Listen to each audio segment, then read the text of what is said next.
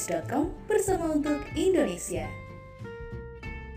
Halo Sobat Holopis, hari ini saya akan membacakan rangkuman berita untuk Sobat Holopis. Langsung saja ke berita yang pertama datang dari berita nasional. Kepemilikan pesawat jet pribadi milik Juragan 99 menimbulkan tanda tanya. Sebab pesawat yang diklaim milik Gilang Widya Pramana atau Juragan 99 tidak terdaftar di Indonesia Juru bicara Kementerian Perhubungan, Adita Irawati, mengatakan pihaknya tak bisa mengonfirmasi pemilik pesawat jet N990MS itu. Sebelumnya juga telah diberitakan aktris Nikita Mirzani menyebutkan Z pribadi milik Juragan 99 ternyata bukan milik bos MS Glow tersebut. Nikita mengatakan jet pribadi itu terdaftar atas nama RSSD Properties LCC, sebuah perusahaan yang berbasis di Amerika Serikat. Gilang Widya Pramana sempat menyebutkan bahwa pesawat Cessna C68A yang dilabeli Juragan 99 itu dibeli seharga 280 miliar. Berita selanjutnya masih datang dari berita nasional. Dua kabupaten yang ada di Provinsi Gorontalo, yakni Kabupaten Gorontalo dan Bone Bolango, terdampak banjir dan berdampak kepada ribuan warga. PLT Kepala Pusat Data Informasi dan Komunikasi Kebencanaan BNPB Abdul Muhari mengatakan, banjir yang terjadi sejak Sabtu tanggal 19 Maret diakibatkan tingginya curah hujan di dua kawasan tersebut.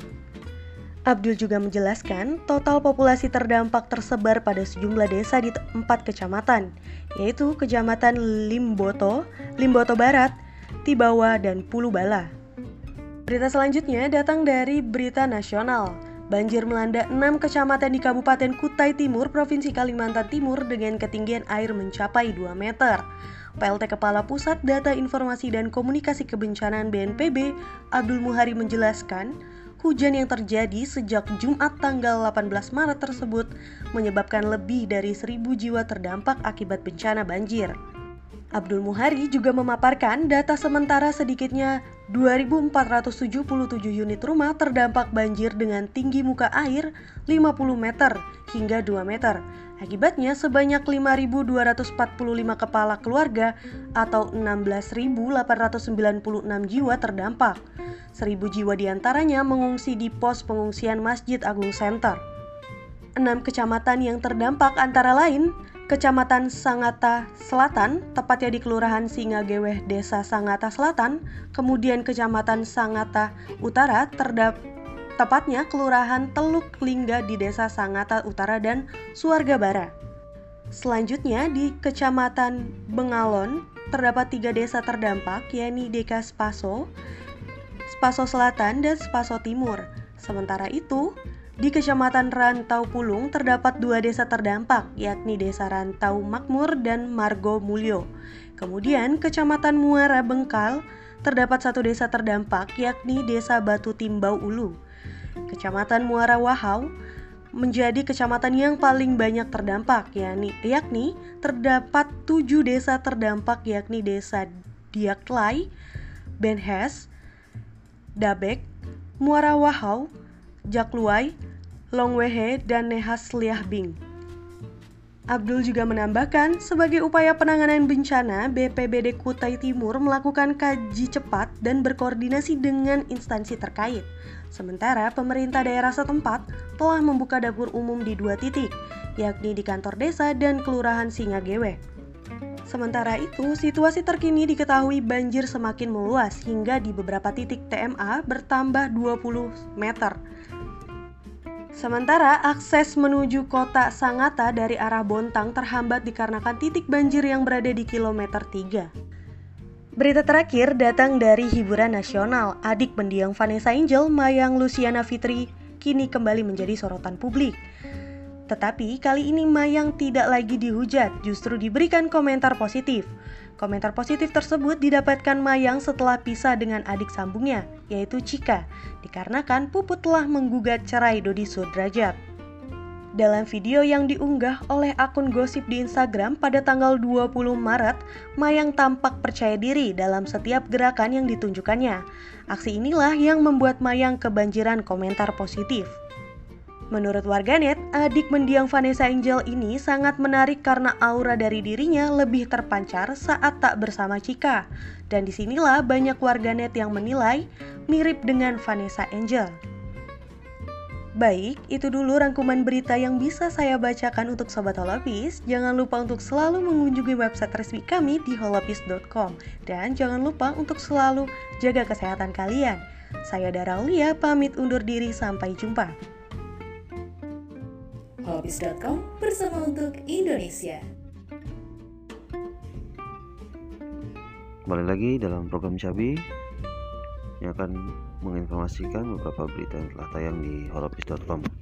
Kali ini untuk informasi pertama datang dari dalam negeri di mana Kapolri Jenderal Istio Sigit Prabowo mendatangi pasar uh, mendatangi pasar Minggu pada Jakarta Selatan pada Senin 21 Maret 2022.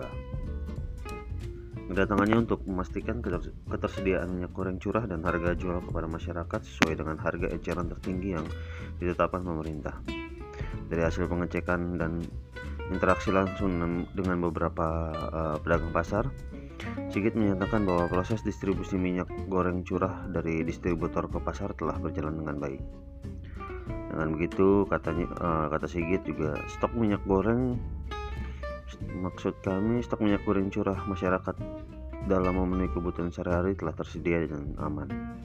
Berdasarkan hasil pantauan dan dialog eh, Kapolri dengan pedagang menyebutkan bahwa distributor telah menjual dengan harga 14.400 sedangkan pedagang eh, agen melepas dagangannya ke warga dengan harga 15.500 demi demi uh, demi memastikan stok minyak goreng aman untuk warga, Sigit menegaskan bakal melakukan pengecekan ke pasar-pasar lainnya demi terjaminnya proses distribusi dan harga penjualan minyak goreng. Informasi kedua uh, datang dari dunia internasional di mana pesawat Boeing 737 jatuh di Cina pada Senin 21 Maret 2022. Pesawat tersebut uh, merupakan milik penerbangan Cina Eastern membawa yang membawa 123 penumpang dan 9 awak pesawat. Presiden Cina Xi Jinping memerintahkan jajarannya untuk mengerahkan semua kemampuan yang untuk operasi penyelamatan jatuhnya pesawat Boeing 737-800 maskapai Cina Eastern. Pesawat yang membawa 132 orang itu mengalami kecelakaan di daerah otonomi Guangxi.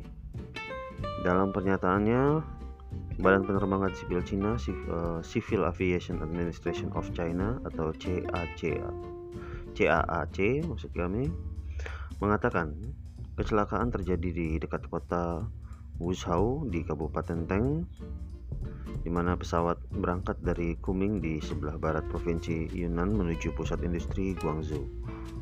Belum diketahui jumlah korban tewas dan terluka CAC mengatakan pesawat itu membawa 123 penumpang dan 9 orang awak.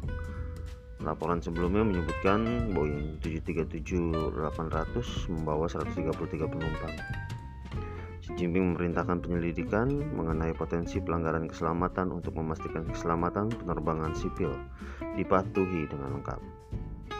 Demikian beberapa informasi yang dapat kami sampaikan bersama saya Ronald Petrus holopis.com bersama untuk Indonesia.